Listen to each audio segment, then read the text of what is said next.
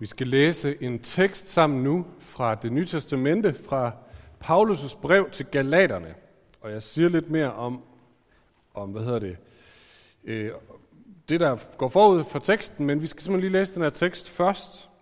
Det er Paulus, der skriver, hvad jeg mener er, så længe en arving er umyndig, adskilles han ikke fra en træl, skønt han er herre over alt. Han står under formynder og forvaltere, indtil den tid, hans far forud har fastsat. På samme måde med os, da vi var umyndige, trællede vi under verdens magter. Men da tidens fylde kom, sendte Gud sin søn, født af en kvinde, født under loven, for at han skulle løskøbe dem, der var under loven. For at vi skulle få barnekår. Og fordi I er børn, har Gud sendt sin søns ånd i vores hjerter, og den råber, Abba far. Så er du da ikke længere træl, men barn. Og er du barn, har Gud også gjort dig til arving.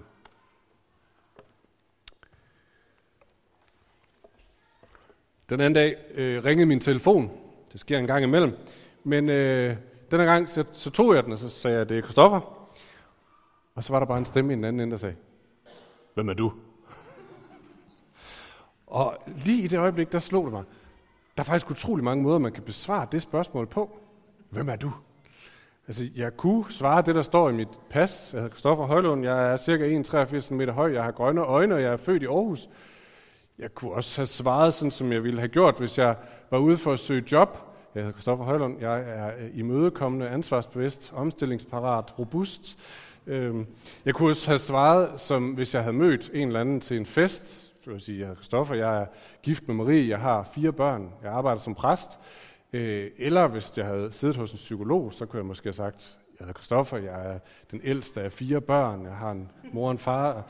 Der er mange måder, man kan svare på det spørgsmål på. Lige i situationen der, så svarede jeg bare, ja, det er Kristoffer Højlund, og så smed han på igen. For han skulle nok have haft fat i en anden end Kristoffer Højlund, går jeg ud fra. Så jeg kom ikke så meget videre med svaret på spørgsmålet. Måske har du også svaret på det spørgsmål nogle gange på det sidste, kan være, du har været til en eller anden udskudt konfirmation eller hvilelse eller et eller andet og skulle møde en masse nye folk. Det kan også være, du øh, startet på et nyt studie, eller snart begynder på et nyt studie, eller en ny arbejdsplads, eller en ny klasse.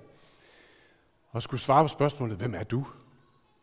Det kan også være, at du kender spørgsmålet sådan lidt dybere, og har gået rundt med det i lang tid. Sådan, hvem er jeg egentlig?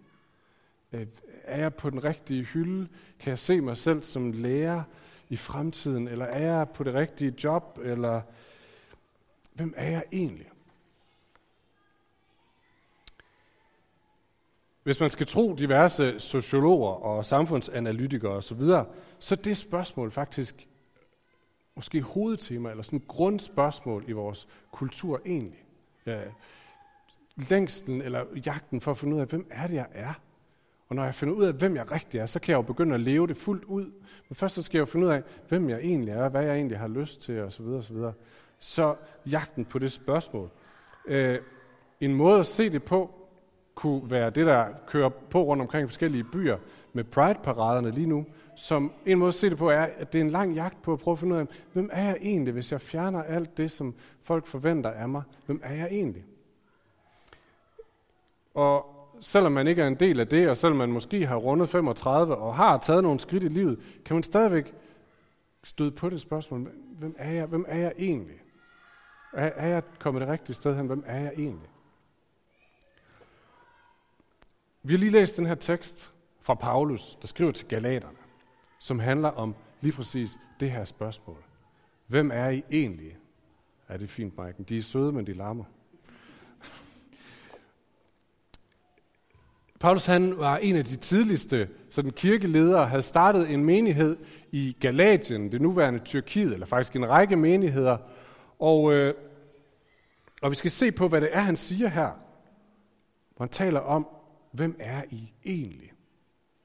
Fordi der nede i bunden af det spørgsmål ligger, tror jeg, gruppen for den kristne fred, som man kan tale om det.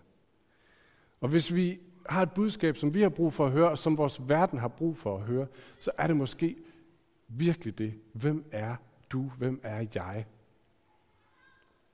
Så lad os gå tilbage til Paulus. Det er som sagt et brev, han har skrevet til de her menigheder i Galatien. Dem, der er del af de menigheder, de kommer fra en ikke-jødisk baggrund. Det vil sige, de var ikke jøder, før Paulus mødte dem. Øh, men så er de kommet til tro, efter at Paulus har rejst igennem deres byer og fortalt om Jesus. Det kan vi læse om i andre steder i det nye testamente. Men efter Paulus så er rejst videre, det gør han rimelig hurtigt, så kommer der nogle andre, nogen som er, er jøder, og som mener, at de er rigtige jøder. Og de siger, de har lige en korrigering til det, Paulus han fortalte dem om. Fordi de sagde, det er meget fint det her med, at I nu kommer til tro på Jesus, men I skal også lige huske traditionerne. I skal også lige huske Moseloven, alt baggrundshistorien for, for Jesus, alle de jødiske traditioner, dem skal I også huske. Da Paulus han hører om det, at de er kommet og har sagt sådan til dem, så bliver han rasende. Og så skriver han Galaterbrevet. Det er det mest vrede brev, vi har i hele det nye testamente. Det er det eneste brev, hvor nogen forfatter overhovedet våger at råbe til sin, eller skrive til sin tilhører, i åndssvage. Men det skriver han. Starten af kapitel 4. I åndssvage. For han er så vred. Hvorfor er han så vred? Jo, det er fordi, at dem her, der kom efter Paulus, har været nede og rode med, i spørgsmålet om, hvem er I egentlig? Og det skal vi lige prøve at komme ind i nærheden af. Hvorfor? Og lad mig prøve at forklare.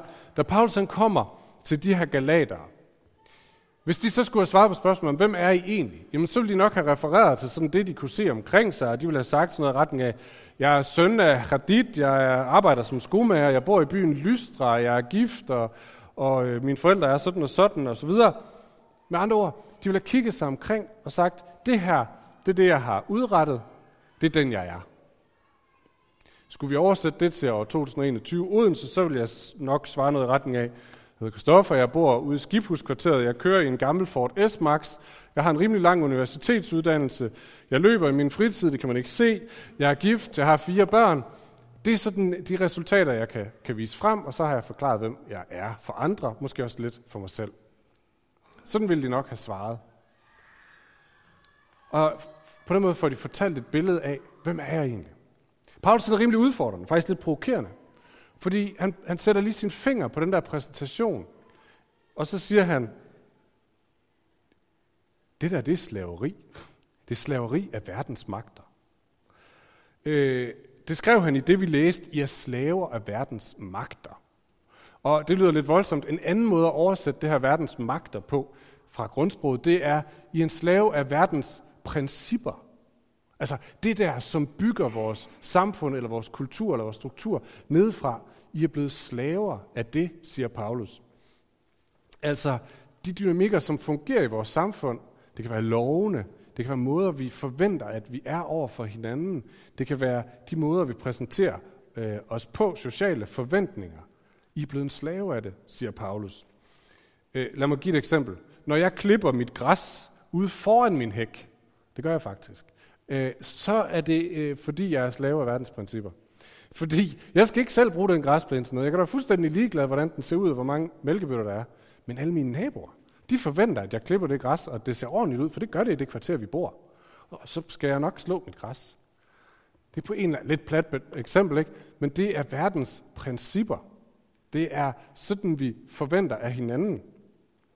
Og, og de principper kan sådan set have en, en god nok funktion, og sådan set være, være fine nok, fordi det er sådan nogle sociale koder, som, som opdrager os til at blive ordentlige samfundsborgere. Sådan gør man ikke, siger forældre nogle gange. Hvorfor? Jamen det gør man bare ikke. For det lærer os, hvordan er vi ordentlige samfundsborgere i et samfund, så det fungerer. Og så, så, så, så hjulene kører rundt for alle. Øh, men, siger Paulus, det ender med at gøre jer til slaver. I er blevet til slaver af verdens magter. Det vil sige, vi ender med at kigge på de der principper og spejle os i dem og så sige, ja, det er den, jeg er, og klarer jeg det egentlig godt? Jeg bør tage en uddannelse. Klarer jeg det godt? Ja, hvis jeg gør det, så er jeg noget. Klarer jeg det ikke så godt, så, så er jeg ikke sikkert, at det er så meget. Paulus siger, I er blevet slaver af det. Det styrer jer. Det er det, I spejler i. Det er det, der fortæller, hvem er du? Og er du noget? Og Paulus siger, I er skabt til en helt anden form for frihed. Uafhængig af de der målestokker og de der principper. Det kommer vi tilbage til lige om lidt. Fordi så kommer de der superjøder, eller hvad vi nu skal kalde dem, Øh, de der, som mener, at Paulus han lige har glemt noget. Det er godt nok med Jesus, man har lige glemt traditionen og Moseloven. Øh, Moseloven var alle de regler, som jøderne levede efter fra det gamle testamente, som ligesom skulle regulere, hvordan er man en god jøde i et godt jødisk samfund. Så der var noget med noget, noget, noget renhed og noget omskærelse og nogle bønder og nogle forskellige ting. Og, og de siger, det er super fint, at I er blevet fri af verdensmagter, galater. Det, det er godt, I har droppet det, men nu kan I jo så tage, tage Guds principper, eller Moselovens principper ind, så kan I begynde at leve efter det. Det er bedre. Igen, det kræver en oversættelse. Hvis vi oversætter, oversætter det til 2021, så kan man sige, øh, en kommer ind ad døren, og vi siger, nej, men hvor er det dejligt, du er blevet kristen. Nu behøver du ikke leve sådan efter verdens principper længere, fordi det er ikke vigtigt. Til gengæld, så skal du lige huske at komme i kirke, du skal huske at bede dine bønder, læse din bibel, du skal huske at blive døbt, du skal huske at løfte hænderne, når du synger, og huske at give nogle penge til kirken. For det, det er sådan, vi gør her. Og Paulus råber, nej, nej, i propper bare et nyt sæt målestokker, som, som verden har udtænkt ned over dem. I kommer bare med nye billeder, man kan spejle sig i, og se, hvem er jeg? Jamen nu, nu er jeg god til det med bibellæsning, så er jeg nok en god kristen, så går det nok rigtig godt med mig, så er jeg noget. Paul siger nej.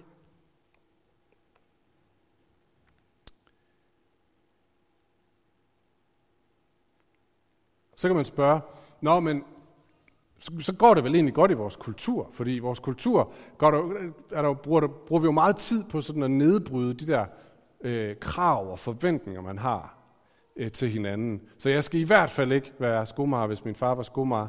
Jeg skal i hvert fald ikke have en familiestruktur, der ligner mine forældres. Jeg skal i hvert fald ikke, jeg skal i hvert fald ikke. Så vi bryder, bryder øh, strukturer ned hele tiden i vores samfund. Og sætter en stolthed i det. Men det må jo være det, Paulus han siger. I er blevet fri af alle strukturerne. Så Paulus må være enig med Pride og diverse andre øh, tendenser i den retning. Afskaffe alle de udefra kommende principper. Og spørgsmålet er bare, løser det noget? Fordi virkeligheden er, at ofte så får vi bare afskaffet alt det, vi spejler os i udenfor, og så begynder vi at spejle os i det, vi finder indeni. Jamen, men er jeg så lykkelig nu? Gør jeg så det rigtige nu? Gør jeg det, som kommer til at gøre mig glad? Det bliver ikke en frihed. Jeg læste, bare for at komme med et eksempel, i den her uge, en ung dansk forfatter, hvad hedder hun? Anna, jeg kender hende ikke, det burde jeg måske. Anna Arnse Torse hedder hun. Og hun skrev en, en, øh, en artikel i en avis, som hedder sådan her. Jeg fortryder mange års forsøg på at finde min identitet. Det er en meget lang titel, men den siger så stort set, hvad artiklen siger. Jeg fortryder mange års øh, forsøg på at finde min identitet. Hun beskriver, hvordan det, vi hylder som individets kulturelle frisættelse, det der med at afskaffe alle ydre forventninger til, hvad vi skal være, det er blevet for hende en evig, smertefuld jagt efter at blive til noget. Efter at finde ud af, hvad er jeg så? Hvem er jeg så? Er, er jeg rigtig nu? Er jeg, er jeg forkert nu? Hele livet bliver sådan en jagt efter at blive til nogen. Find mit sande jeg, så jeg kan begynde at leve ud af det. Og jeg tror, hun har ret.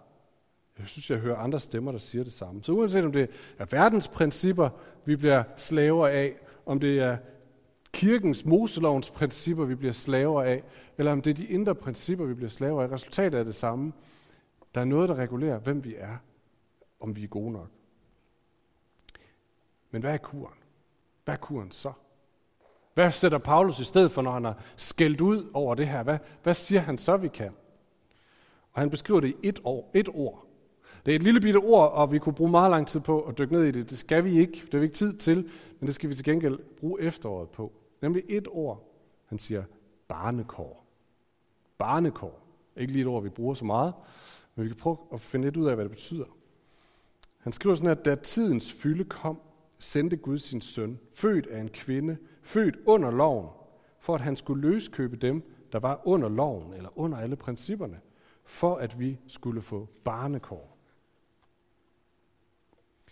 Okay, barnekår. Jeg havde en oplevelse for tre uger siden, som måske fortalte mig lidt om det her med, hvad er barnekår. Vi var på sådan et slægtsstævne på min oldeforældres gamle gård ude på Djursland. Øh, der mødes alle dem, der er nedstammer fra mine oldeforældre, sådan en gang imellem til sådan et slægtsstævne, og det er ret mange år siden, jeg har været der faktisk. Kunne ikke lige finde ud af, om det var 15 år siden, hvor meget. Jeg har været der sidst. Så jeg skulle starte med at gå rundt og hilse på alle de her elgamle old, øh, hvad det, grandtanter og grandonkler, som jeg knap nok kunne huske, hvad hed, og der gik sådan lidt ringenes herre i det, fordi jeg skulle sådan sige, ja, jeg hedder Kristoffer, jeg er søn af Asker, søn af Asker. Og så vidste folk, nå, nu, nu ved vi, hvem du er. Øh, men det gik ret hurtigt op for mig, sådan næsten fra begyndelsen, der er noget, der er anderledes her. Fordi når jeg plejer at gå til fest eller stævner, eller øh, hvad ved jeg, så er der sådan en eller anden stemme inde i baghovedet, som siger, hvem er jeg lige her? Hvordan passer jeg ind? Øh, er jeg en del af fællesskabet? Er jeg ikke en del af fællesskabet? Øh, hvordan ser de andre på mig? Sådan noget, det ved jeg ikke, om I genkender. Nogle af jer har det måske slet ikke. Så er I velsignet. Nogle af os har det lidt øh, eller mere. Det gik bare op for mig. De spørgsmål var der overhovedet ikke der. De var der slet ikke. Og jeg tænkte over, hvorfor er de ikke det? Og så gik det op for mig. Det er fordi, jeg hører fuldstændig lige så meget til det her fællesskab, som alle de andre, der hedder Højlund til efternavn. Der er ikke nogen, der er mere eller mindre rigtige her. Øh, selvom de har været der hver eneste år, og jeg, det er 15 år siden, så hører jeg stadigvæk lige så meget til, for jeg hedder også Højlund. Og det gør for mig, det eneste, der berettiger min eksistens her, det er ikke, hvad jeg har ydet, hvad jeg kan, det er, jeg hedder Højlund. Og det var sjovt. Og jeg tror, det er det, Paulsen snakker om, når han siger barnekår. Han siger, I hører til, fordi I er Guds børn, nichts weiter. Ikke andet. Hvem er du? Men jeg er Guds barn. Der er ikke andet at sige. Det er det første og det dybeste svar.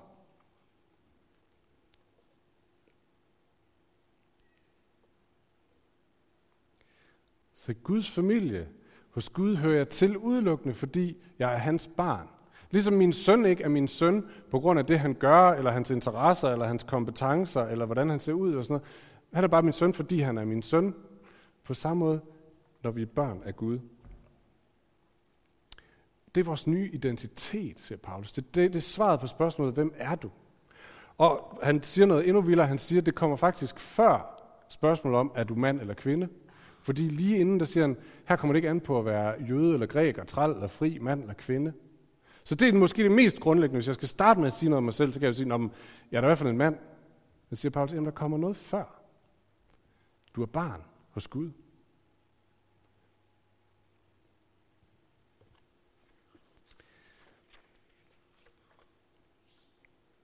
Og en måde, siger Paulus, at vi kan se det på, eller ved det på, det er, at han siger, at Guds søns ånd bor i vores hjerter og råber Abba, far.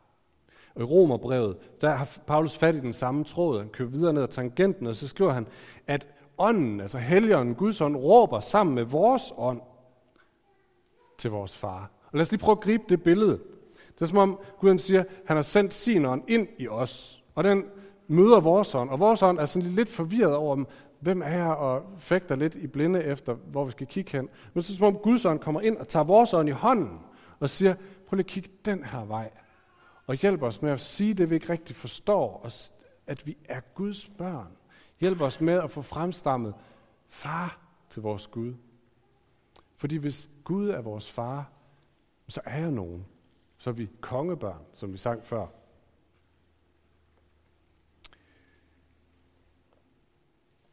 Et sidste eksempel kommer fra en, en bog, som jeg kom i tanke om.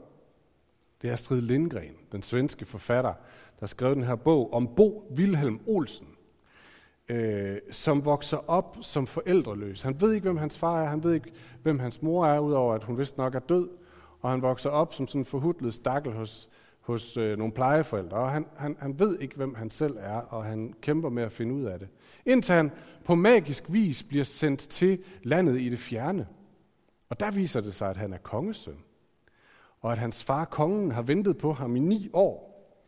Og, øh, og så skriver, og så står der sådan her, det er kongen, der siger, Mio, min Mio, siger han. Og det lyder så fint og varmt. Og selvfølgelig hedder jeg ikke engang Bo Vilhelm Olsen. Jeg har søgt efter dig i ni lange år, siger min far kongen. Jeg har ligget vågen om natten og tænkt, Mio, min Mio, så må jeg vel vide, at Mio er mit navn. Der kan man bare se, det der med Bo Vilhelm Olsen, det var en misforståelse. Ligesom alt det andet var det, dengang jeg boede på Gammel Kongevej. Nu er alt, som det skal være. Jeg holder så meget af min far kongen, og han holder så meget af mig. Jeg tror, det er Astrid Lindgrens barnlige, dybe, fine måde at sige, vi finder ikke os selv, før vi finder ud af, hvor er det, vi hører til, hvem er det, vi kommer fra, før vi ser vores far i øjnene, og han får lov til at sige, er du min Mio? Mio, min Mio. Og det er derfor, Paulus blev så vred i Galaterbrevet. Fordi han siger, I er ved at indføre nogle nye ting, som folk kan kigge på og sige, når jeg er god nok til det, så hører jeg til. Jeg er god nok til det, så hører jeg til. Og han siger, nej, der er intet af det, vi kan bruge til noget. Det eneste handler om at forstå, du er god nok, fordi Gud siger, du hører til. Du er værdifuld, du er noget, fordi han siger, at du er hans barn. Så hvis du vil vide, hvem du er, så stop med at kigge på, hvad du har udrettet eller ikke har udrettet. Kig på ham. Okay, hvordan ved vi så, at han er den sande far? Hvordan ved vi, at det ikke bare er en god historie? Jo, det ved vi fra resten af Bibelens fortælling om det ægte barn. Vi har fået lov til at blive hans børn, men han har et ægte barn, som var hans søn fra evighed, nemlig Jesus. Han gik ind under loven, siger Paulus. Selvom han havde barnekår, han var Guds søn, og han havde alle privilegierne som barn, så gik han ind under loven, ind under fordømmelsen, ind under forventningerne og kravene, for at løskøbe dem, som er under loven, siger Paulus. Selvom han havde den frihed og tryghed, som det giver at være barn, og kende sin far, så gik han ind under det, ikke at vide, øh, hvor er min far? Så han på, til sidst hænger på korset og siger, min Gud, min Gud, hvorfor har forladt mig? Far, hvor er du? Han tog hele vores forbandelse og usikkerhed og dom på sig, for at vi kunne blive frikøbt fra loven, fra fordømmelsen. For at vi kunne høre faderens stemme, der siger, mit, mit barn, jeg elsker dig. Så livet behøver ikke at være en lang kamp for at finde ud af, hvem er jeg, hvem er du? Fordi Jesus tog en lang kamp, for at vi kan få at vide, hvem vi er. Hans elskede børn. Og så kan vi begynde at leve ud af den identitet. Så kan vi begynde at vide, om hvis jeg er Guds barn, hvis det er det første, der er at sige om mig, hvad er så mere sandt? Hvad betyder det så? Hvordan ser mit liv ud, hvis min himmelske far allerede har lovet, at han vil sørge for alt? Han er himmels og jordens skaber, han vil sørge for mig. Hvordan ser mit liv ud, hvis jeg ikke, lige meget hvad jeg gør, så kommer han ikke til at elske mig mere eller mindre? Hvordan ser mit liv ud, hvis min far er verdens konge og har al magt i himlen og på jorden? Hvordan ser mit liv ud, hvis jeg har et kongebarn og er sat her med Guds magt i ryggen til at kæmpe for hans rige? Hvis jeg er her for at give ham ære, ikke for at få ære selv. For at elske mennesker, ikke for at øh, blive elsket af alt og alle. Hvordan ser mit liv så ud? Det er et helt andet sted at begynde sit liv på, end at begynde det på at sige, jeg aner ikke, hvem jeg er, og nu skal jeg til at finde ud af det. For vi ved, hvem vi er.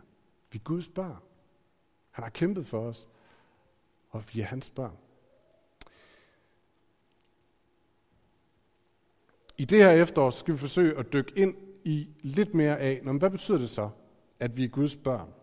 I den her identitet, vi ved, hvem vi er. Og som jeg sagde i begyndelsen, så skal vi snakke om fem kendetegn. Øh, vi har formuleret fem kendetegn som sådan et forsøg på at sige, Nå, men hvem er vi egentlig som kirke? Og det er ikke sådan, hvor vi har kigget ud og så sige, Nå, hvad er vi pænt gode til her? Eller hvis vi samler vores kompetencer, hvad har vi så at prale af? Øhm, det er i stedet for at forsøge på at kigge på Gud og så sige, hvis han er vores far, hvem siger han så, at vi er? Hvem siger han så, at vi er som kirke? Og så kan vi begynde at kigge ind i det. Og øh, så har vi skarpt formuleret det.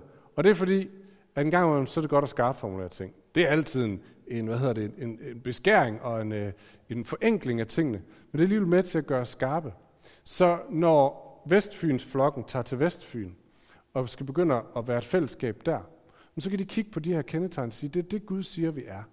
Hvordan lever vi det ud? Eller når vores livsgrupper mødes, eller nye livsgrupper starter, og de siger, hvem er vi, hvad skal vi med det her? Så kan man tage de her kendetegn frem og sige, det her siger Gud, vi er. Hvordan, hvordan ser det egentlig ud i vores liv? Eller når der kommer nye til kirken og siger, hvad er det her for en slags kirke? Hvad er vigtigt? Er det sangene? Er det, hvad er det for noget? Så kan vi sige, nej, det her, det er kendetegn. Det er det her, Gud siger, vi er. Det er det her, vi gerne vil. Det er den, det er den identitet, vi gerne vil forsøge at udforske. Så vi har altså fem kendetegn. De kommer op på et slide her, som hedder elsket af Gud. Det betyder, at vi er elsket og frelst af Gud. Vi kan ikke gøre noget for at få ham til at elske os, hverken mere eller mindre. Det vil vi gerne finde ud af noget mere om. Vi det næste hedder ærligt Guds forhold. Gud er vores far, vi har fået barnekår, som vi har snakket om. Det betyder, at vi må komme til ham, uanset om vi kommer med tvivl, med spørgsmål, med vrede, med glæde, med længsel. Vi må komme ærligt til ham. Vi er en udvidet familie. Det betyder, at vi er i den samme familie. Vi har den samme far. Vi er søskende med hinanden. Ingen her er mere eller mindre værd. Øh, og vi skal øve os i at elske hinanden, fordi vores far elsker os. Så er vi frimodige vidner. Fordi vores far længes efter, at flere skal få lov til at opleve, hvad det vil sige at have barnekår hos ham. Og han lægger det i os at være frimodige, for det er vi ikke nødvendigvis selv. Men vi må frimodigt fortælle om vores oplevelser og vores historie. Og så vil vi sætte aftryk af Guds rige. Og det er fordi vores far er kongen, og han er i gang med at udbrede sit rige. Og så er hans løfte, at der hvor vi går, der hvor vi beder, hvor vi tjener mennesker, så sætter det et aftryk af hans rige, hvor der står Gud på, og ikke bare Kristoffer på. Og i efterårets prædikner, i efterårets gudstjeneste, så tager vi dem simpelthen en af gangen. Og så dykker vi ind i at sige, hvad vil det sige om Gud? Hvad vil det sige om os? Hvordan kan vi dykke noget mere ind i det? Og det bliver heldigvis ikke mig, der snakker om det hver gang, kan jeg trøste jer med. Men forskellige folk, som kommer til at snakke om det her.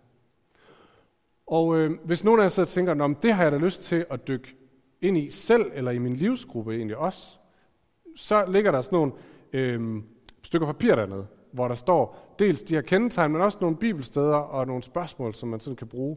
Og jeg skal starte med at undskylde og sige, det er lavet af mig, Øh, så Camillas pæne grafiske hånd har ikke været henover. Så det har ingen form for øh, æstetisk charme eller smukt udtryk. Der står bare nogle ord, men I må gerne tage dem alligevel. og så kan man bruge det på den måde. Og, øh, og målet er, målet med det er, at vi vil ikke bare lade os definere af, hvad verden siger om os. Vi vil ikke bare lade os definere af vores karakterblad, eller vores forfremmelse, eller vores fyring, af vores øh, venners ord om os, vores antal likes på Facebook, af vores indre stemmer. Vi vil ikke lade det definere os, for det er ikke det, vi er skabt til. Vi er skabt til at blive sat fri, fordi Gud siger, hey, du er mit barn. Du er en del af mit rige. Du får af min ånd. Du har barnekår hos mig. Og den frihed vil vi opdage. Og den frihed skal få lov til at sætte os fri som mennesker til at tjene Guds rige her på Fyn, der hvor vi nu er. Så det glæder jeg mig til. Lad os slutte med at bede. Almægtig Gud, tak fordi du kalder os dine børn. Det er lidt banalt, fordi vi har hørt det så mange gange, men det er overhovedet ikke banalt, når vi sammenligner det med alt andet, vi møder omkring os. Du måler os ikke på, hvad vi formår eller ikke formår, men du tager os ind som dine børn, og så giver du os et liv at leve derudfra, et sted at stå på, hvor vi kan begynde at kæmpe for det, som er godt. Hvor vi kan rense ud i det, som er grimt og som er ondt. Hvor vi kan indrette os efter at være et kongebarn, i stedet for en slave af verden. Gud, tak fordi det er dig, der kæmpede den kamp og vandt den. Tak fordi det er dig, der giver os din helligånd og sætter os i stand til at gå med. Som tager vores ånd ved hånden og hjælper os med at råbe far når vi forvilder os i alt muligt andet. Som tager os i hånden og minder os om, at du er lige her. Du bor i vores hjerte. Som tager os i hånden og viser, at den her verden er ikke en kampplads for selv at blive til noget. Men den her verden er et sted, hvor vi kan være med til at give dig ære og vise mennesker, hvem de hører til. Hvem der har kæmpet for dem, og hvem der har vundet for dem. Så Helligånd, vi beder bare om, at du kommer og fylder os igen at du lærer os at råbe, Abba far. At du vender vores blik mod dig, her Jesus. Kom, Helligånd.